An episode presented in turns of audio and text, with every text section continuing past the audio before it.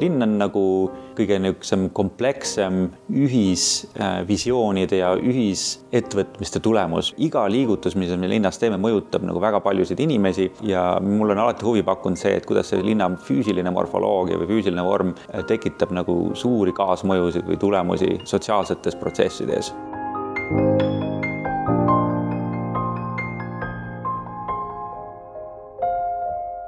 tervitused Tallinnast, minu nimi on Rainer Sternfeld ja te kuulate saatesarja Globaalsed eestlased, kus meie eesmärgiks on luua mälupilt sajast silmapaistvast Eesti inimesest üle maailma, üksteiselt õppida ning tuua meid teineteisele lähemale. on äh, üheksas oktoober kahe tuhande kahekümne esimesel aastal ning mul on hea meel tutvustada meie tänast saatekülalist, kelleks on Eesti arhitekt ja linnaplaneerija Andres Sevtšuk, kes on täna Bostonis Massachusettsi Tehnoloogia Instituudi ehk MIT abiprofessor kus ta paralleelselt juhib ka City Form Lab nimelist laborit, mis siis äh, keskendub linnaruumi kujundamisele, planeerimisele ning äh, kinnisvara kasutuse uurimisele. Nad äh, arendavad linnavõrgustiku analüüsi tarkvara, mis aitavad mõista, kuidas linnade maakasutus mõjutab inimeste liikumisi ning tänavakaubanduse asukoha valikuid. ja viimase kohta ilmus kahe tuhande kahekümnendal aastal ehk eelmisel aastal Andrese sulest ähm, raamat Street Commerce ehk eesti keeles tänavakaubandus vist oleks õige. ja ta on töötanud ja õppinud nii Eestis, Prantsusmaal, Ühendkuningriikides, USA-s ja Singapuris. Äh, ja tema juhtimisel on ta oma tiimi ja tarkvaraga äh, analüüsinud ja teinud ettepanekuid näiteks, kuidas parandada Los Angelesi autoliiklusest äh, umbe jooksnud transpordisüsteemi või näiteks, kuidas linnaruumi areng mõjutab Melbourne'i linna jalakäijate elu ning, ning autoliiklust tere tulemast saatesse, Andres. tere. meil on üks suur äh, ja hea võimalus äh, siin näost näkku kohtuda, äh, eriti arvestades viimast poolteist, pooleteistkümnet aastat. sa sündisid ja kasvasid Tartus kaheksakümnendatel ja üheksakümnendatel. et võib-olla alustaks sealt, kirjelda, kirjelda oma elu sel ajal. ja ma olen pärit Tartust, põhimõtteliselt kasvasin üles Tartus Anne linnas niisuguses klassikalises äh, nõukaaegses paneelelamus, elasin viiendal korrusel. Ja äh, kuni ülikooli aastateni jah, õppisin Tartus äh, Miina Härma gümnaasiumis ja, ja siis sealt edasi suundusin ülikooli arhitektuuri ja linnaplaneerimist õppima. ja esmalt siis siin Tallinnas Kunstiakadeemias ja edasi Prantsusmaal ja edasi Bostonis MIT-s kuidas, kuidas sa enda jaoks avastasid arhitektuuri? sellist euro, euro, eureka hetke kunagi olnud ei ole, et eh, nüüd hetkel avastasin, aga ma arvan, et see ajapikku tekkis eh, sellisest huvist, et kui ma, kui ma olin noorem, siis ma sõitsin väga eh, tõsiselt rulaga ja ja selline nagu rulasõit oli üheksakümnendatel niisugune väga-väga lapsekingades Eestis, meid oli umbes niimoodi viis-kuus, kes seda tõsiselt tegid, enamasti Tallinnas, aga see viis nagu igapäevaselt äh, meid linna. Ja, ja nagu sa veedad niisuguse teismelisena või no isegi noorteisme-, teismelisena nagu kogu päevad kuskil avalikus linnaruumis, kas siis otsides mingeid huvitavaid kohti või, või häid võimalusi. Ja siis äh, ma arvan, et osaliselt on see sealt pärit, see huvi niisuguse linna just nimelt avaliku ruumi vastu, sest äh, ma olen seisukohal, et linnade kvaliteeti peab ikkagi otsustama selle üle, kui, kui, kui kvaliteetne on nende ühis- ja avalik ruum, mitte see, kui, kui kvaliteetne on nende eraruum äh, krundipiiride taga. ja, ja sellega kokkupuude, ma arvan, et sealt aastatelt tegelikult ju pärineb. see on, see on hästi hea viis valdkonda tundma õppida, kui sa, kui sa oma jalgadega ühe rulaga, eks ole, püüad, püüad seda näha mm. -hmm. et, et, et tihti nähakse rulatajaid kuidagi nuhtlusena või et rikuvad, eks ole, ruumi, pigem on siis see, et, et kuidas seda linnaruumi üldse on kujutatud. kui sa arhitektina tööd alustasid, kas alustasid kohe linnaplaneerimise seisukohast või seal oli mingi muu suund? Neil aastatel, kui mina seda alustasin EKA-s, oli osakonna dekaan Veljo Kaasik ja Veljo Kaasik koos äh, paari teise Eesti niisuguse arhitekt-urbanistiga oli väga huvitatud niisugustest suurematest linnalistest küsimustest, mis ei ole, mis ei piirdu ühe hoonega või arhitektuuriga, vaid pigem niisuguse linna eluga, linna kujundusega, linna äh, planeerimisega. Ja, ja see suundumus, ma arvan, siis juba päris esimesest äh, õppeaastast peale äh, sundis meid mõtlema niisuguste linnaliste küsimuste üle, see oli nagu äh, mõnes mõttes niisugune kuldne periood äh,, kus äh, võib-olla pandigi need aluskivid Eesti äh, urbanistlikule mõtlemisele, mis on nagu peale seda nõukaaega üheksakümnendatel, et ja ja eks see sealt alguse sai, aga noh, omavahel on loomulikult arhitektuur ja linnaplaneerimine küllaltki tihedalt seotud, vähemalt Euroopa traditsioonis, et USA-s on linnaplaneerimine nagu palju-palju laiem valdkond, mis hõlmab endas äh, linnamajandust, rahvusvahelist äh, arendust ja, ja kõike, kõike muud, et see ei pruugi olla seotud füüsilise ehitatud keskkonnaga, aga Euroopa kontekstis on see ikkagi olnud üsnagi lähedalt seotud füüsilise ehitatud keskkonnaga ja, ja siis eks äh, hakkasime jah, juba üsna varakult tegelema selliste linnaküsimustega ja sealt see kuidagi nagu orgaaniliselt edasi läks äh,. mul põhimõtteliselt äh, üks hetk nagu tekkis rohkem ja rohkem huvi selle vastu vaadata nagu linna kui sellist süsteemi kus ei ole ühte tellijat või kedagi, kes võiks öelda, et nii peab olema või me tellime sellise asja. linn on nagu võib-olla, seda võiks kirjeldada nagu kõige niisugusem komplekssem äh, ühisvisioonide äh, ja ühisettevõtmiste tulemus, mida keegi üksinda dirigeerida ei saa. ja seda võib vaadata nagu sotsiaalteadust ja, ja sellest on, seda on väga põnev uurida, kuna seda võib vaadata nagu niisugust äh, fenomeni mida, mida me saame nagu teaduslikult uurida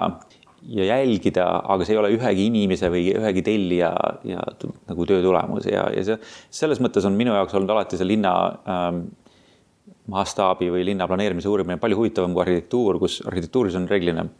keegi tellib hoone ja, ja see kontroll selle tulemuse üle on palju-palju kõrgem, aga linnas on see ikka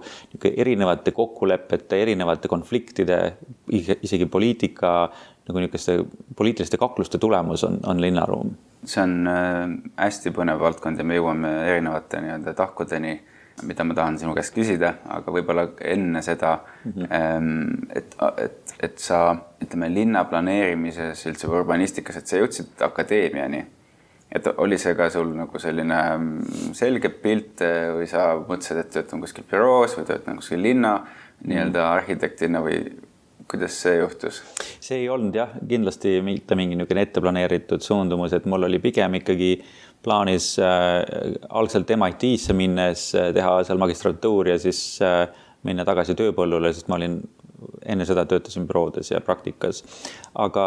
ma pean ütlema, et tagasi vaadates see, see MIT-s olemine nagu avas täiesti niisuguse uue maailma, kus kus ma avastasin, et on võimalik tegeleda küsimuste ja, ja tege-, tegemistega, millega ei ole võimalik praktikas tegeleda ja see muutus nagu niivõrd huvitavaks. mul oli hea võimalus ähm,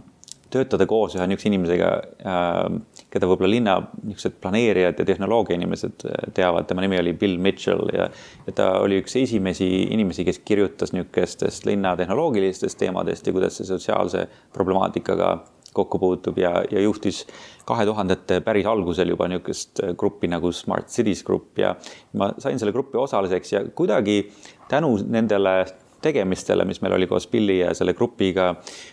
tekkis mul üha rohkem huvi sellise nagu linna küsimuste ja uurimustöö vastu, mitte, mitte ainult nagu vastuste ja praktika vastu, vaid ja siis sealt äh, läkski teekond edasi nagu doktorantuuri maastikule ja sealt edasi akadeemilisele teele, et lihtsalt ma avastasin sellise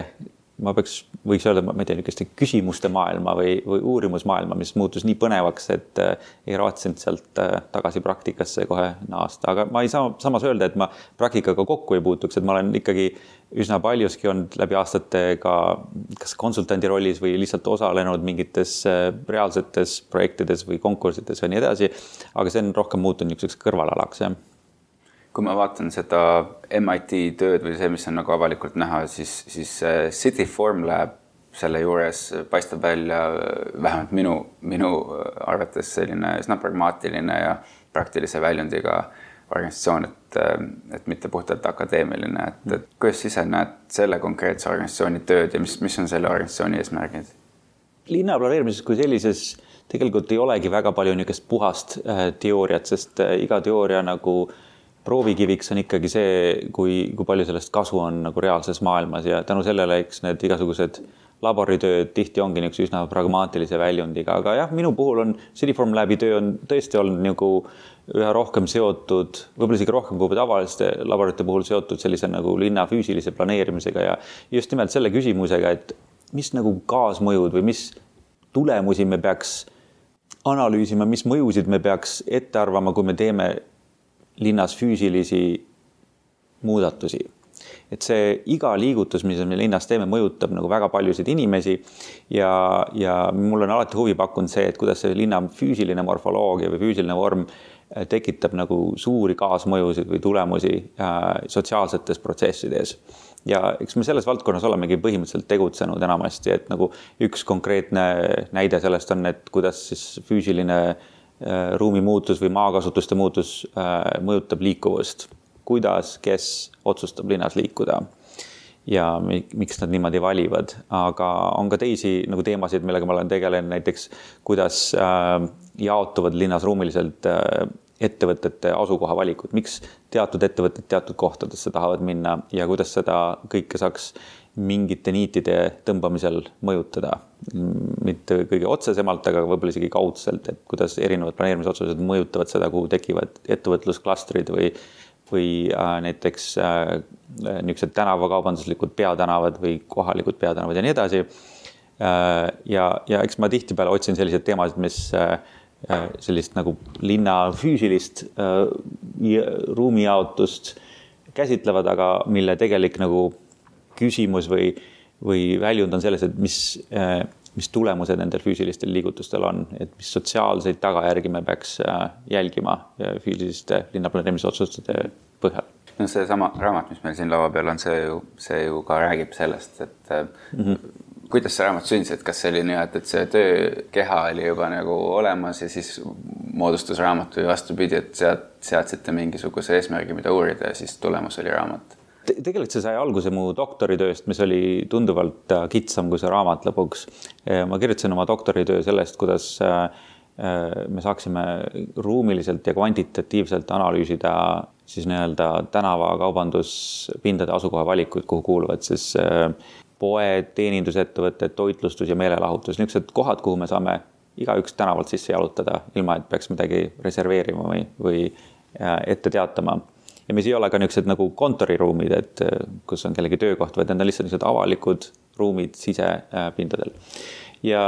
doktoritöös ma uurisin seda nagu, et kuidas me üldse analüüsime nende mustreid ruumiliselt, mis meetodeid me võiks kasutada ja kuidas me äh, saame statistiliselt, ruumiliselt nagu öelda, et teatud faktorid mõjutavad seda konkreetselt, aga, aga kui ma selle olin ära lõpetanud ja mõtlesin, et edasi nagu raamatu juurde liikuda, siis äh, sai selgeks, et nagu nii kitsalt ei saa seda teemat käsitleda, et see oleks kõigile huvitavam ja siis nagu äh, raamatu kirjutamisel pigem ma võtsin ette sellise tee, et nagu üritada tõlkida, kuidas seda probleemi on käsitletud erinevates valdkondades. et mis ütlevad majandusteadlased selle kohta, kuidas tänavakaubandusruumilised asukohavalikud toimuvad, mis ütlevad selle kohta äriühingute inimesed või indiviidid või arhitektid või linnakujundajad, ühesõnaga see raamat on üritanud nagu erinevatest valdkondadest neid teadmisi nagu ühtekokku tuua ja et seda protsessi niimoodi laialdasemalt kirjeldada. see meen-, meenutab mulle ühte mm, dokumentaalfilmi legendaarsest tööstusdisainerist Dieter Ramsist, mis rääkis tema elust ja tema tööst ja siis seal oli üks üks osa sellest filmist oli, oli koht, kus ta esines Münchenis tudengite ees ning, ning üks publiku seast, äh, üks tudeng, äh, noh, Baierimaa auto entusiast,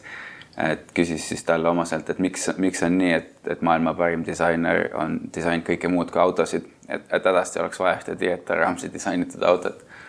ja mille peale siis äh, Dieter ütles, et, et kogu selle auto, autode disainimise kontseptsioon on, on, on vale loogikaga tema jaoks Ehm, ehk siis, et autosid on disainitud järjest kiiremaks, võimsamaks ja suuremaks. Eh, selle asemel, et disainida ümber kogu meie transpordisüsteem, mis eh, omakorda mõjutab eh, linnaruumi ja vastupidi, seda kõik tuleb tervikuna vaadata. ehk siis ta parema meelega disainiks transpordisüsteemi, millega saaks mm. keskkonnasõbralikumalt ja mugavamalt liigutada inimesi neile mm. vajalikku kohta ja seal linnaplaneerimist küll ei räägitud, aga aga mind, mind väga huvitab see, kuidas sina mõtled selle peale, et nii-öelda inimeste liigutamine või aatomite liigutamine, sest et on, räägime ikka kaubast, eks ole, et kui on mm. inimesed, siis on ka kaup. et aatomite liigutamine versus, eks ole, inimkeskne nagu linn, et kas linna kontsentratsioon on, on nagu mingi oluline meetrika, mida vaadata ja kus see kontsentratsioon nagu jookseb, et kui ma olen kuskil Roomas, siis ma tunnen, et see on hästi inimmõõtmeline linn, ma võin olla ükskõik kus ja mul on nagu sellised üldised teenused on kõik minu ümber olemas, aga kui ma olen kuskil ähm, ma ei tea, isegi Tallinnas, eks ole, et oled kahekümne minuti kaugusel kesklinnast ja siis on hoopis teistsugune ähm, elu kui kesklinnas. ja, ja kuidas me endale probleeme sätestame, paljuski suunab, kuidas me, mis probleeme me lahendame. ja tõepoolest, et kui me võtame juba probleemiks, et, et on vaja kas siis äh, head autot disainida või, või kuidas me näiteks suudaksime kõige rohkem raha teenida selle pealt, et uute teenustega inimesi liigutada, siis paratamatult on vastused äh, näiteks sellised tehnoloogiad, mis võivad äh, siis äh, monetiseerida näiteks seda, et selle asemel, et inimene jala käib, miks ta ei võiks võtta mingit skuutrit ja me võiks sealt siis kasseerida paar eurot iga, iga jooksu pealt ja see on meie nagu vastus sellele probleemile. aga kui me alustame sellest, et on problemaatika hoopis teistsugune. kui me linna probleemi, linna planeerimisprobleeme vaatame ühiskondlikust seisukohast, mitte näiteks tingimata kasumi seisukohast, siis on küsimuste paigutus hoopis teistsugune. kuidas me suudame teha sellist linna, kus meil oleks inimestel avalik tervis parem? kuidas me suudame sellist linna teha, mis võib-olla tooks rohkem, looks rohkem sotsiaalseid sidemeid inimeste vahel ja kus inimesed puutuks üksteisega rohkem kokku ja ei segregeeruks erinevatesse niisugustesse etnilistesse või poliitilistesse või, või, või sissetulekuga seotud klastritesse. kuidas me suudame teha sellist linna, mis oleks ka tulevikule äh, säästlik ja, ja mis ei toodaks niivõrd palju näiteks süsinikdioksiide ja nii edasi. ja need küsimused on äh, sellised, mis meid kõiki puudutavad, aga millel ei ole võib-olla niisugust otsest ärilist algpunkti. loomulikult on seal ka niisuguseid tehnoloogilisi lahendusi, mis, mis neid asju aitavad lahendada, aga, aga väga oluline on selliste linnaküsimuste juures just alustada sellest, et mis meie tegelik huvi on, kas meil huvi on nagu disainida uus auto või uus teenus, mis palju raha teeb või on meil huvi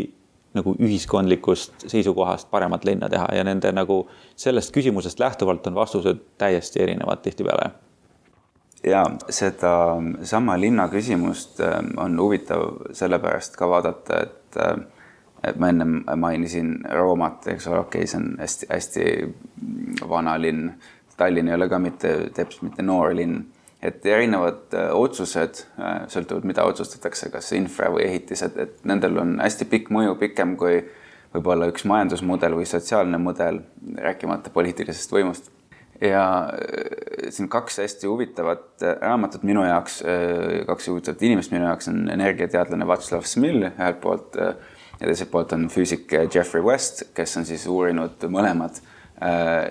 skaleerumist kui sellist, et üks siis on vaadanud energiat ja, ja tsivilisatsiooni ja kuidas skaleerivad süsteemid ja, ja siis Jeffrey West on uurinud, kuidas skaleerivad erinevad süsteemid, näiteks nagu bioloogilised olendid või ettevõtted ja linnad ja siis eriti Westi töös on, on ta järeldanud, et linnad on kõige vastupidavamad struktuurid ähm, üldse äh,, mis ei ole otseselt ei, ei, ei bioloogilised olendid ja, ja ei ole otseselt ka nagu ettevõtted, aga on mingisugused konstruktsioonid. ja et, et kui vaadata asju nagu ma ei tea, linnastumine ja pandeemiad, linnastumine ja energia, linnastumine ja kommerts, mida sina oled hästi palju uurinud, aga ka linnastumine ja pereelu ja, ja, ja ma aega juba mainisin korraks, et kui on pikk perspektiiv et siis ühelt poolt on nagu linn hästi nagu kestlik ja vastupidav struktuur, aga siis nagu uue maailma kontekstis tundub, et, et kas, kas linnastumine ja linna kontsentratsioon kuidagi jätkub sellises kontekstis, et, et, et, me paneme inimesi võimalikult palju ühte kohta, mis on hästi energiaefektiivne või siis me üritame nagu ühtlasemalt nagu ära jagada seda, et kõigil oleks enam-vähem mõistlik elukvaliteet, et kuidas, kuhu see nagu diskursus läheb maailmas ja, ja see on, ma tean, hästi pikk ja lohisev küsimus, aga ma üritan lihtsalt nagu mhm. võimalikult suured raamid anda, et, et ma üritan aru saada, kuhu maailm liigub. noh, see niisugune nii-öelda füüsiline või sotsiaalfüüsiline lähemine, lähenemine linnaruumile on olnud niisugune huvitav uus valdkond, millest on sellised Santa Fe füüsikud nagu Jeffrey West ja Louis Betancourt ja teised palju kirjutanud. Nad on nagu võtnud sellise seisukoha, et me võime linna vaadata kui sellist äh, süsteemi nagu väljaspoolt. mul üks hea kolleeg äh, on maininud, et selline nagu füüsikute lähenemine linna analüüsile on olnud natukene analoogne sellele, kui oleks meile maa peale tulnud kuskilt tulnukad ja siis vaadanud, et mis siin maa peal on ja siis üritan niisugused väga kõrgel tasemel abstraktsed reeglid kirja panna, et siin on teatud jaotus, on teatud linnad ja nii edasi. ja, ja vaadanud seda süsteemi kui peaaegu niisugust aut autonoomset süsteemi, mis äh, äh teatud märgatavaid, äratuntavaid mustreid toodab. see ei klapi äh, väga lähedalt selliste nagu linnaplaneerijate vaatepunktidega ajalooliselt, kuna linnaplaneerijad teavad, et äh, need süsteemid ei ole isetekitavad, need ei ole nagu iseeneslikult äh, paratamatult tekkivad tulemused, vaid seal mängub väga, mängib väga olulist rolli inimtahe. et kuidas keegi otsustab ja mis põhjusel otsustatakse äh, linnades asju. tänu sellele on äh, sotsiaalteadlaste ja planeerijate seas nagu väga laialt levinud selline suhtumine, et me, me peame ka olema mõnes mõttes niisugused nagu teabe või, või avaliku arvamuse mõjutajad, et valgustada, kuidas teatud protsessid, mis me igapäevaselt nagu linnades näeme, kuidas teatud inimesed teevad otsuseid, kas linnavalitsuses või erasektoris või arendajate näol ja nii edasi. et, et teadvustada inimestele, kuidas need otsused tegelikult mõjutavad seda suurt pilti ja selle põhjalt siis nagu vahest ka neid otsuste suundi muuta, et me suudaks kogu linna teises suunas liigutada. et see vahe võib-olla on selles, et need niisugused füüsikud äh, on vaadanud linna kui sellist peaaegu paratamatult organismi, mis iseenesest liigub, aga planeerijad ütleks selle kohta, et ta ei liigu iseenesest. seal mängib väga suurt rolli kellegi tahe ja otsus ja need, ja need ideaalid ja visioonid, kuhu äh, me tahaks liikuda ja mis, miks me teatud sorti otsuseid teeme, need ju ajas kogu aeg muutuvad. et me vaatame isegi Tallinna näol, noh, et äh, millist linna tootis Nõukogude süsteem ja millist linna on tootnud niisugune neoliberaalne Tallinn peale üheksakümnendaid, on ju täiesti erinevad äh, tulemused, kuna meil on ideoloogiad muutunud, kuna meil on otsustused, otsustus äh, Äh, suundumused muutunud ja, ja ka eelistused muutunud ja kultuurilised tavad ja nii edasi. ja see kõik mõjutab seda, milline linn tegelikult tekib, et seda, neid nagu otsustuspõhiseid tahtlikuid otsuseid need füüsikud väga veel uurinud ei ole. Mulle meeldis see, kui sa mainisid, et, et, et, et justkui disainiks linna, et nagu, nagu tulnukad maanduksid kuskile, eks ole, tühja maa peale ja vaataks, mis ressursid on. Kuidas sina ja linnaplaneerijad üldse vaatavad selliseid asju nagu Saudi Araabias on see lineaarne linn, eks ole, kontseptuaalselt ja, ja ma ei tea, siis on asjad nagu hyperloop, et kui, ma ei tea, mets ja linnad nagu nende selline, mis see eesti keeles see biomimikri ongi, looduse jäljendamine. ja kuidas, kuidas, kuidas sa vaatad seda kuidas üldse linnaplaneerimine vaatab selliseid arenguid? väga erinevalt, olenevalt konkreetselt, mis arengust me räägime, kui me räägime nagu biomimicry'st, siis on loomulikult on väga palju äh, väga intelligentseid protseduure evolutsioon tootnud ja, ja meil on paljuski õppida äh, looduselt, kuidas äh, linnad võiks säästlikumalt toimida. aga kui me vaatame selliseid projekte nagu Neom Saudi Araabias, siis need on äh,, ma ütleks, et need on nii rumalalt tehtud, et nad, ma ei usugi, et see on kellegi tegelik plaan seda niimoodi välja ehitada, ma arvan, et need on pigem niisugused meediaprojektid, mis üritavad investeeringuid sisse tuua või, või teatud geopoliitilistel kaalutlustel äh, on see näiteks niisugune lineaarne, lineaarlinn iseenesest on ikka väga vana mõte, seda on päris mitmel pool isegi välja ehitatud, aga tänapäeval äh, linna ehitada nagu joont äh,, sellel, see, see on lihtsalt isegi kui seda proovitaks teha, see niimoodi ei juhtuks, sest äh, see on no, niivõrd ebapraktiline, niivõrd ebaratsionaalne ja niivõrd äh, mittesäästlik, vaid pigem vastupidi, raiskav. et äh, ma, ma arvan, et sellel projektil on mingid teistsugused tagamad äh,. Hyperloopist rääkides, et äh, ühest küljest on sellised niisugused tehnoloogilised hüpped väga huvitavad, et niisugustes vaakumtorudes võiks ju tõesti rongid kiiremini liikuda ja nii edasi aga mm, seal on ka nagu omad head ja vead, et äh, linnaplaneerimise seisukohalt on väga oluline, et me mõtleks üha enam selliste nagu kollektiivtransportide peale, kus võiks võimalikult palju inimesi ühe sõidukiga liikuda, et meil oleks võimalikult vähe sellist tulemust, et üks inimene, üks sõiduk, mis on olnud selline kahekümne sajandi traagika, mis on kõik linnad nagu ära muutnud maailmas. ja siiamaani nagu ma arvan, et tehnoloogiliselt on see huvitav, aga, aga need väljundid, mida on siis nagu Hyperloop One või, või ka Elon Musk ise kirjeldanud, on äh, pigem sellised, et meil võiks igalühel olla oma niisugune pood, millega me kuskil torus lendame. see on täiesti vastupidi liikumine sellele, kuhu me tegelikult peaks liikuma, et ma arvan, et ma näen pigem seda helge tulevikuna niisuguste kiirrongide näol nagu, nagu TGV-d või Shinkansenid Jaapanis, aga lihtsalt uue tehnoloogia põhjal niisugused suured rongid, kus on tuhat inimest korraga peal ja, ja see oleks võib-olla iseenesest väga tore, aga ma väga loodan, et see ei liigu sellise nagu individuaaltranspordi suunas, mis on nagu meeletult raiskav olnud. Sada protsenti nõus, see,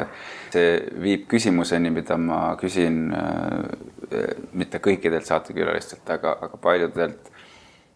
eri valdkondades saab sama küsimus küsida, et, et mis, mis oleks, kui oleks äh, nii-öelda lõpmatud ressursid ja, ja valge paber, eks ole, et lin, linnade, linnasid on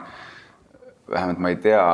viimasel ajal ühtegi sellist nullist algatatud linna, mis oleks nagu edukas. Ähm, võib-olla, ma ei tea, Hiinas on neid näiteid võib-olla rohkem, et äh, kõige, kõike saab teha, kui panna piisavalt raha ja sundida inimesi sinna minema, aga, aga see ühiskonnakorraldus on ka midagi muud seal, et kas üldse on võimalik nullist linna teha niimoodi, et, et planeerida ette mingeid põhimõttelisi otsuseid, mis aitab nagu ma ei tea, viieteist, kahekümne aasta pärast nagu paremini elada või see on ikkagi nii elav organism, et sa, sa näed ette ikkagi ainult, ma ei tea, ühe käe näppudel aastaid e,? ikka on võimalik jah, on ju ajaloos väga palju näiteid sellistest nagu planeeritud linnadest, noh sa tõenäoliselt tead isegi sellist äh, commissioner's plan äh, kahe, tuhat kaheksasada üksteist äh,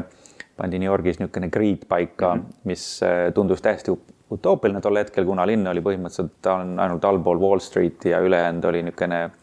asustamata saar praktiliselt või niisugused farmid ja talud ja, ja see grid oli nagu nii üledimensioneeritud selles mõttes, et see oli nagu, seal oli nii palju teid ja nii palju infrastruktuuri, et see esmapilgult võis tunduda täiesti niisugune nagu äh, massiivne ülepingutamine, aga see on vastu pidanud äh, üle kahesaja aasta nüüd just mhm. kaks tuhat üksteist oli selle kahesajas juubel ja ja ta on nagu niivõrd robustne olnud, et seal on ka nagu väga kõrge hoonestustihedus ja väga teistsugune kasutus kui kakssada aastat tagasi, aga sama, sama tänavavõrk endiselt kehtib. sellist nagu strateegilist planeerimist tehti väga edukalt, eriti kaheksa, tuhande kaheksasaja või noh, üheksateistkümnendal sajandil ja isegi kahekümne sajandi algusel. tänapäeval äh, on see võimekus kuidagi vähenenud, kuigi me ehitame kogu aeg uut keskkonda, siis see uus keskkond ei ole mitte niisugune nagu strateegiline raamistik, mis maha pannakse, vaid pigem on see nagu konkreetne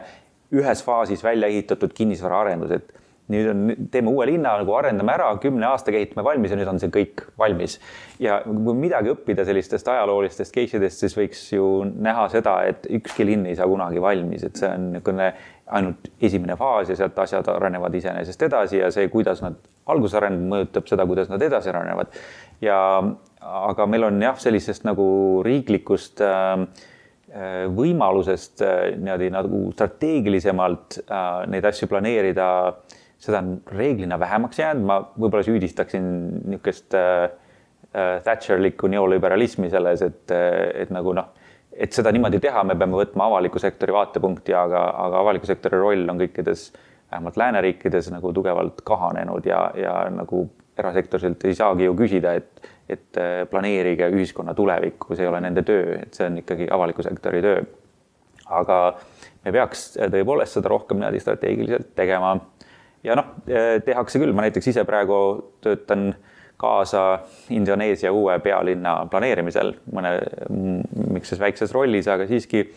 ja see on äh, niisugune täiesti uue linna tegemine džunglisse. East Kalimantan saarele äh, tahetakse ära liigutada Jakarta kui pealinn ja kuigi see tundub äh, uskumatu, on see, tundub, et tagasipöördumatu protsess juba sa jõudsidki juba vastates minu, minu järgmise küsimuse just, see tuligi sellest, et on, on, on tehtud ähm, ütleme, tsentraalse planeerimisega linnu, eks ole, just nagu ütleme Madrid või Barcelona või Pariis või eks ole, kogu see Haussmanni värk, eks ole, ja siis, siis New York loomulikult minu, minu lemmiklinn, et äh, aga jah, see tasakaal avaliku ja erasektori vahel ja kui pikk perspektiiv meil üldse on, et see, see on selline asi, mis takistab sul sellist nagu pikaajalisemat asja teha, seevastu kui üldse ei tee, siis on kaos, et, et kus on see tasakaalupunkt, see on, see on hästi huvitav mm. -hmm. ja, ja, ja teistpidi, teistpidi selline mm, ütleme, tehnoloogia ja igapäevaelu äh, on jälle selline, mis, mis võimaldaks luua sul huvitavaid keskkondasid, ma, ma toon ühe näite, võib-olla sul on, äh, kindlasti sul on mõtteid ja kogemusi, et ma kaks tuhat viisteist, ähm, kui ma juhtisin oma ettevõtet Planet OS, siis, siis ÜRO äh, ministrite nõukogu kogunes äh, Genfis ja, ja kutsus esinema mind äh, teemal Smart City pluss open data, et avalikud andmed ja tark linn. et kuna me olime hästi palju, ütleme ilma, kliima atmosfäärilisi andmeid ja õhu, ütleme, kvaliteedi andmeid integreerinud, et näidata, kuidas erinevad linnad toimivad, sealhulgas mingi San Francisco bussiliiklus ja õhukvaliteedi seosed ja kõik muu säärane. ja siis minu, minu selline ettepanek oli see, et noh, et kui mina oleks mingi linna, eh, progressiivsema linna linnapea, ma vaat- ja vaataksin nagu seda, kui talentide tõmbe ja tõukekeskust, et kuidas, kuidas seda üles ehitada. et siis üks lahendus võiks olla, et sa linnana investeerid mingi, mingisugustesse, ütleme, Andorite võrgustikku, mitte lihtsalt ühte-kahte või mingite vidinatesse, vaid sa teed strateegilise otsuse ja selle Andorite võrgustiku peale ehitad äh, programmaatilise keskkonna API-dega ja, ja teed selle arendajatele, teenuse arendajatele, tarkvaraarendajatele avatuks ja kõik need teenused, mis selle peal arendatakse, nende andmete peal, mis on tasuta ja kui see on kommertsteenus, siis selle pealt linn teeniks mingisuguse väikse äh, tasu ja mistõttu, mis tähendaks, mis täidaks nende eelarvet ja samal ajal teeks kõikide elanike elu paremaks ja siis äh, te, oleks ka tööhõive kohe automaatselt, et ettevõtjad saaksid teha. ja see ja siis, kui ma seda ütlesin, siis ütles mulle üks, et sa oled tehnooptimist et, et, et jah, selle esialgne investeering on nagu suur, aga nagu mõte on säärane, et, et see tegelikult ei ole midagi ulmelist, vaid emuleerib minevikus kasvõi turuplatsi loogikat lihtsalt digitaalses maailmas. noh, see on selline pikk lohisev äh, lugu, aga et äh, kas, kas midagi sellist on nagu tehtud? Äh, kas, kas see targa linna nagu idee on sõnakõlks või on seal mingeid häid näitajaid maailmas? kui ma ausalt ütlen, siis on see sellest nagu äh, tõepoolest äh, saanud selline täiesti ära kasutatud niisugune sõnakõlks, mida, mida väga tõsiselt enam ei võeta, vähemalt professionaalsetes ringkondades, kuna äh, selle on nagu kasutusele võtnud nagu väga paljud äh, firmad sel eesmärgil, et mingit äh, kraami müüa, mis tegelikult võib-olla nii-öelda keskmise linna kodaniku jaoks midagi paremaks ei muuda. aga võib-olla selle juurde tagasi tulles, ma arvan, et kui me räägime sellistest asjadest nagu tark linn on, siis on ikkagi oluline küsida, et mis on ühes linnas need primaarsed probleemid. ja noh, ühest küljest äh, äh, linna majandusosakonnad või siis riiklikul tasemel isegi majandusosakonnad tihtipeale vaatavad selliseid nagu tuleviku asju, et kuidas me saaksime rohkem tööjõudu kasvatada, kuidas me saaksime talente ligi ja see on vahest äh, oluline, eriti kui iive on negatiivne ja, ja on probleeme kohaliku tööjõuga. aga alati on olemas linnas ka terve seeria teisi probleeme ja noh, äh, need võivad olla täiesti niisugused igapäevalised, et on näiteks suur hulk vanainimesi, kes on teisest haridussüsteemist ja kes ei oska või ei saa osaleda selles kaasaegses majanduses või on või on äh, ruumiline ebavõrdsus või segregatsioon Tallinnas suur teema või on vananev elamufond, meil on nagu noh, pool Tallinna elanikkonnast mägedel äh,, mis on nagu iganevad ja kakskümmend viis protsenti Lasnamäel ja ja lihtsalt nagu niisugune äh, tiksuv ajapomm, mis ootab lahendust. ja kui me räägime targast linnast, siis me peaks, siis on nagu võib-olla aus oleks öelda, et targad lahendused on need, mis adresseerivad neid käesolevaid olulisi probleeme, mitte ainult nagu niisugust tulevikku vaatavat või, või nišprobleemi, mis võib teatud osakondadel huvi pakkuda. ja, ja kui tõepoolest andmed või tehnoloogia aitavad neid probleeme paremini lahendada, siis, siis muidugi need on, neid, siis me võiksime kõik kutsuda neid tarkadeks lahendusteks, aga tihti see ei ole kahjuks niimoodi. ja, ja teisalt see nagu linna OS-i nagu idee või et oleks palju niisugust riistvara, mis andmeid koguks ja siis seda, selle peal saaks inimesed äh, äh, oma lahendusi luua. et äh, ühest küljest on äh, äh, andmete maailmas nagu kaks sellist lahendust linnades, et ühe, mõned linnad äh, üritavad monetiseerida oma andmeid, näiteks Singapur äh, üritab monetiseerida, müüa andmeid, mis on maksumaksjate rahaga kogutud, et siis nagu ma ei tea, kas kasumlikul eesmärgil või, või tegelikult võib-olla sellel on ka varjatud eesmärk äh, natuke tagasi hoida liiga palju küsimusi, et inimesed ei kaalutleks nende otsuste üle.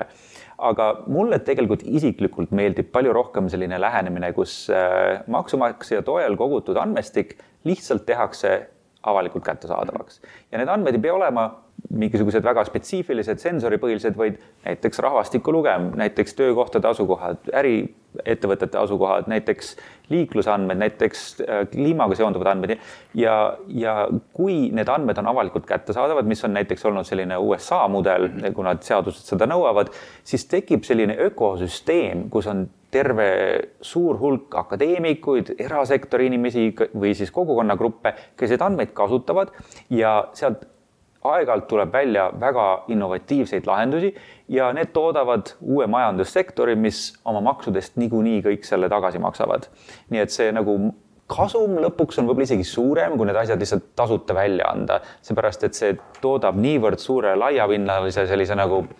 ettevõtluse, mis ja, ja, ja uurimusvaldkonna, mis, mis toodavad firmasid ja makse ja nii edasi, mis tuleb kuhjaga pärast riigikassasse tagasi, et ma arvan, et see ette monetiseerimine on vahest nagu natuke lühinägelik selles suhtes, äh, näiteks see Singapuri mudel. mul on väga hea meel, et sa siia jõudsid, sest see on ka absoluutselt minu kogemus äh, USA-s elades, et äh, kogu, kogu see põhjus, miks ma Ameerikasse läksin kaks tuhat kaksteist alguses oli, oli see, et kõik kliima, ilmastiku, ookeani andmed, kõik olid avalikult kättesaadavad, kuigi väga halvasti. kõik oli ainult Ameerikas, Euroopas oli väga vähe mm. -hmm ja polnud sellist tsentraalset juhtimist, olid mõtted, aga, aga reaalselt polnud. Ja kui me olime Obama administratsiooni ajal avatud andmete ümarlaua ehm, taga, siis, siis sealt, sealt tuli nii palju kasu kogu äh, ühiskonnale, ettevõtlus, akadeemia, no mis iganes, see on hästi lai, et see ei ole ainult mm -hmm. rahas mõõdetav, kuigi rahas oli seal väga palju mõõta. Äh, ja, ja vastupidiselt, et kui tuli Trumpi administratsioon ja keeras meie NASA projekti kinni näiteks, sest Pariisi konventsiooni järgselt tegime ühe interface'i, millega sai kliimaandmetele ligi, et siis kaotasid kõik. ja täpselt see ongi, ähm, et see on, mul on väga hea meel, et me siia punkti jõudsime mm. -hmm.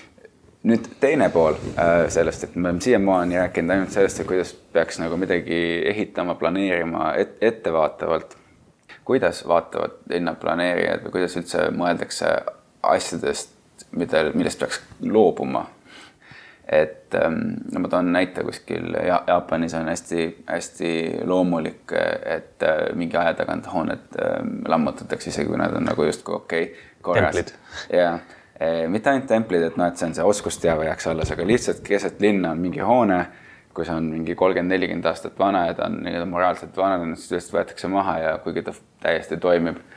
ja siis ehitatakse uus ja see ei pruugi ainult hooneid tähendada, et see võib kõike, kõike tähendada, pargid, veed, elekter, mis iganes, et kuidas, kui, kui head oleme me asjadest loobumises? nii ja naa, et oleneb, mis põhjustel me sellest loobume. me tihtipeale lammutame täiesti töökorras objekte selleks, et lihtsalt äh, asemele ehitada umbes sama suur, aga moodsam ja klaasist ja terasest äh, hoone. ja see on äh, täiesti arusaadav nagu ärilistel eesmärkidel, aga keskkonna vaatepunktist väga-väga äh, äh, reostav ja, ja ebasäästlik. teisalt linnad, äh, kui nad kasvavad, kui nende rahvastik suureneb ja majandus kasvab, siis nad ka tihenevad ja maaväärtused suurenevad. kui me ei asenda eelmise generatsiooni hooneid tihedamatega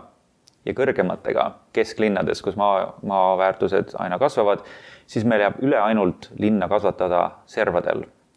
põldude peal, eeslinnades ja valglinnastudes. ja see on äh, näide sellest, kuidas see tihenemine oleks igati hea linna tulevikule, kui on võimalused ähm, linna tihendada. ja tihtipeale noh, teatud kontekstides Euroopas on võib-olla isegi muinsuskaitseseadused äh, üle võlli läinud äh, selleni, et ei ole võimalik asendada kesklinnades hoonefondi, vaid jääbki üle vaid äärtel laieneda, mis siis toovad kaasa endaga igasugused äh, transpordi liikuvusprobleemid ja energiakulud ja nii edasi. nii et teatud äh, mõttes selline nagu loomulik asendamine on, on igati oluline, aga jah, küsimus on just selles, et äh, mis põhjusel see asendamine toimub, et kui me asendame sama, samad objektid äh, sama suurena, sama tihedana, lihtsalt nagu natuke moodsama või, või kaasaegsema välimusega, siis, siis see täidab jah, teatud ärilisi eesmärke, me saame üürihindu tõsta ja nii edasi, aga see on meeletult äh, ebasäästlik. samas, kui me lihtsalt äh, tihendame oma kesklinnasid ja muudame liikumised lühemateks, muudame, tekitame võimaluse inimestel lähemal sihtpunktidele ligi saada, üksteisega rohkem läbi käia, siis see on äh, nii sotsiaalselt kui tervislikult kui keskkondlikult väga kasulik linnale. kui me nüüd äh, läheme Tallinna juurde ähm,, ja et mitte olla liiga äh, päevakajaline, siis, siis äh, vaatame seda, et, et meil on üsna kirev ajalugu, ma ei tea, keskajast Eesti Vabariigi alguseni, siis meil oli viiskümmend aastat okupatsiooni, kus me justkui oleme mererahvas, aga Tallinn on olnud äh, merele nii-öelda kinni või meri ei ole meile olnud avatud. Ähm, ja siis on nagu vaba Eesti alates üheksakümne esimesest aastast ja Tallinnas on piisavalt palju igasuguseid muresid olnud siin, äh, mille kohta sa oled isegi sõna võtnud. et Reidi tee ja, ja hetkel rohelise pealinna tiitel, et kuidas sa vaatad Tallinna, ütleme, ajalugu ja, ja, ja tulevikku? no ikkagi äh, lootusrikkalt, äh, sest ma sügavalt usun, et Tallinnal on olemas nagu niisugused igasugused füüsilised ja ka inimlikud eeldused olla üks ilusamaid linnu maailmas. Äh, muidugi väga kahju on äh, tihtipeale näha, et me ei realiseeru neid eeldusi ja, ja teeme niisuguseid lühiajalisi ja perspektiivituid otsuseid, mis on nagu osa sellisest majandusaren-, arengust ja, ja õppimisest, ühiskondlikust õppimisest. samm-sammu haaval me ikkagi vist liigume üldiselt õiges suunas, kuigi võib-olla mitte nii kiiresti, kui me, paljud meist tahaksid. kui me tulime nõukasüsteemist, kus oli kõik tsentraalselt planeeritud, kus meie inimesed koliti korterhoonetesse, mägedele, äh, kus meil oli, ma peaks ütlema, positiivses võtmes üsna säästlikud lahendused, näiteks trollivõrk ja trammivõrk, mis on Tallinnas äh, toiminud väga kaua. ja kui me läksime üle sellisele turumajandusele, siis me nagu pidime kõik nullist välja mõtlema ja, ja osad äh, sellised lahendused on olnud äh, väga head ja teised samas väga halvad, et näiteks noh, Tallinn on väga kuulsalt autostunud ja, ja inimesed, kes on argumenteerinud, et see on täiesti naturaalne turumajanduslik protsess, siis selle kohta võib öelda, et juba kahe tuhandeks aastaks me oleme Euroopa keskmisesse jõudnud, sealt viimased kakskümmend aastat me oleme kõvasti üle pannud Euroopa keskmisest ja ja see on paljuski tänu sellistele nagu poliitilistele otsustele, et kuhu me ehitame infrastruktuure. isegi täna näiteks noh, ma pean ütlema, et kui ma vaatan, kui suureks on puhunud see liikuvusdiskussioon Tallinnas ja kui paljud inimesed on aru saanud sellest, et me peame vähendama sellist Tallinna autostumist ja, ja panema suurema rõhuasetuse ühistranspordile, jalgrattaga sõitmisele, jalgsi liikumisele siis samas, kui me sõidame linnast välja, vaatame, kui suured äh, ringteeprojektid on just viimasel aastal realiseeritud, kuhu me ehitame uusi IKEA-sid või, või, või suuri logistikakeskuseid ja see eeslinnastumine jätkub kiirelt. ja see on Tallinna jaoks on väga drastiline probleem, aga kuigi ma olen ise nende teemadega ka seotud ja, ja vahest sõna võtan, siis ma arvan, et mu nagu usk on ikkagi üsna positiivne Tallinna tuleviku suhtes ja ma arvan, et me vaatamata nendele kõikidele vigadele lõpuks leiame selle õige suuna. kõik need teemad on äh, äh, hästi huvitavad ja, ja võib-olla oleks hea küsida sinult, et millised oleks võib-olla paar-kolm raamatut, mida sa soovitaksid inimestel lugeda, et, et end teemadega paremini kurssi viia ja ma pean tõdema, et see on nagu selles mõttes keeruline nagu taandada sellist kirjandust nagu väga konkreetsele kolmele soovitusele, aga ma võib-olla siis strateegiliselt soovitakski kolmest täiesti erinevast valdkonnast midagi, mis nagu kõik on väga olulised teemad linnade mõjutamisel, et võib-olla siis nagu sotsiaalse poole pealt on võib-olla üks hea niisugune ajalooline klassik on The Death and Life of Great American Cities, mille kirjutas Jane Jacobs kuuekümnendatel ja võib-olla sellele nagu niisuguseks järjeks kaasaegne sotsiaalküsimustega tegelev raamat on Eric Kleinenbergi Palaces for the People siis majandusliku poole pealt äh, on väga oluline ka aru saada, et kuidas linna majandus toimub, et aru saada, kuidas need protsessid omavahel seotud on ja, ja mis niisugust linna füüsilist arengut tegelikult ikkagi mõjutavad. võib-olla siis näiteks midagi Ed Glazerilt uh, Triumph of the City on üks hea ülevaatlik raamat sel teemal. Ja siis peaks ka midagi keskkonna koha pealt soovitama ja võib-olla kui vaadata linna kui sellist ökosüsteemi siis äh, näiteks äh, The Granite Garden, mille on kirjutanud Anne Winston Spurn, mis kirjeldab sellest, kuidas äh, linn on selline graniitaed või kiviaed ja kuidas siin põimuvad erinevad ökoloogilised protsessid. suurepärased soovitused, suured tänud sulle. Et me jõuame oma selle intervjuu lõppu ja, ja iga, iga inimese käest ma küsin kaks, kaks samasugust küsimust kõikide saatekülaliste käest, et äh, mis puudutab Eestit. et kui sa maailmas ringi käid ja sa oled väga palju maailmas ringi käinud, elanud, äh, töötanud, kui keegi küsib, milline on Eesti, siis kuidas sina vastad? tead, ausalt öeldes mul on nagu üle läinud see tendents, et ma üritan seda nagu meie või moosiga katta, öelda, et Eesti on niisugune Skandinaavia riik kuskil seal Põhja-Euroopa nurgas Soome ja Rootsi kõrval. ma pigem üritan ümber defineerida tänapäeval inimeste jaoks seda ja ütlen ausalt, et Eesti on Ida-Euroopa riik. ja ümber defineerida, mis tähendus või mis konnotatsioone see endaga kaasneb, et see mul on nagu kätte jõudnud teatud tüdimus sellest, et kui keegi ütleb, et miski on Ida-Euroopa, siis see on negatiivse alatooniga ja ma üritan äh, aidata äh, seda imagot muuta ja öelda seda uhkusega ja öelda ja öelda, et vaadake, mis sellises Ida-Euroopa riigis tehakse. nii et äh, tihtipeale peab seda jah, geograafiliselt ikkagi ka mm, piiritlema ja enamus inimesi maailmas ei tea, kus Eesti asub tihtipeale, kui väljaspool Euroopat mõelda seda siis peab ütlema, kus see täpselt asub, aga samas ta nagu ajalooliselt on ju ka olnud äh, nii erinevate režiimide ja, ja võimude niisugune tallutatud maa, kus on, me oleme olnud nii Skandinaavias kui Venemaal kui või äh, Poola ja, ja, ja Taani ja kõikide teiste riikide all. nii et äh, ma üritan jah, kirjeldada seda nagu komplekssust ja öelda, et selline nagu kirev ajalugu on meie, meie trump või tugevus, et me oleme saanud selliseks diversemaks ja huvitavamaks tänu sellele mm. -hmm. see on väga hea, see, selle küsimuse olemasolu ähm, viitab juba sellele, et, et on hästi keeruline ajalugu, et mistõttu, mistõttu on hästi huvitav kuulata, kuidas erinevad inimesed kirjeldavad mm. -hmm. ja, ja, ja võib-olla teine ja viimane küsimus oleks see, et, et Eesti just äh, tähistas sajandat sünnipäeva äh, mõned aastad tagasi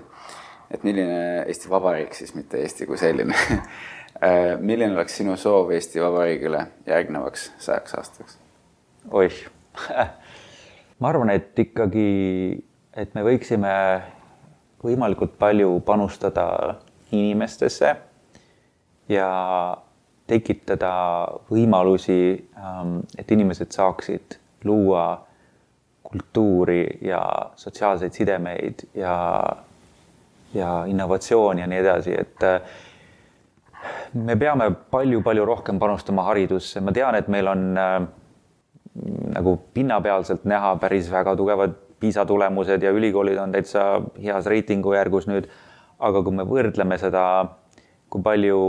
kuidas me tasustame neid töökohti, kus äh, neid õpetajaid, kes seda haridust pakuvad, see on naeruväärne võrreldes nende teiste riikidega, kus on haridustase samal järjel. Ja ma arvan, et me peame tulevikus nagu selleks palju suuremaid samme tegema ja, ja et meist jääkski selline tugev kultuuririik ja tugev innovatsiooniriik, me peame võtma kesksele sihikule oma haridussüsteemi ja seda,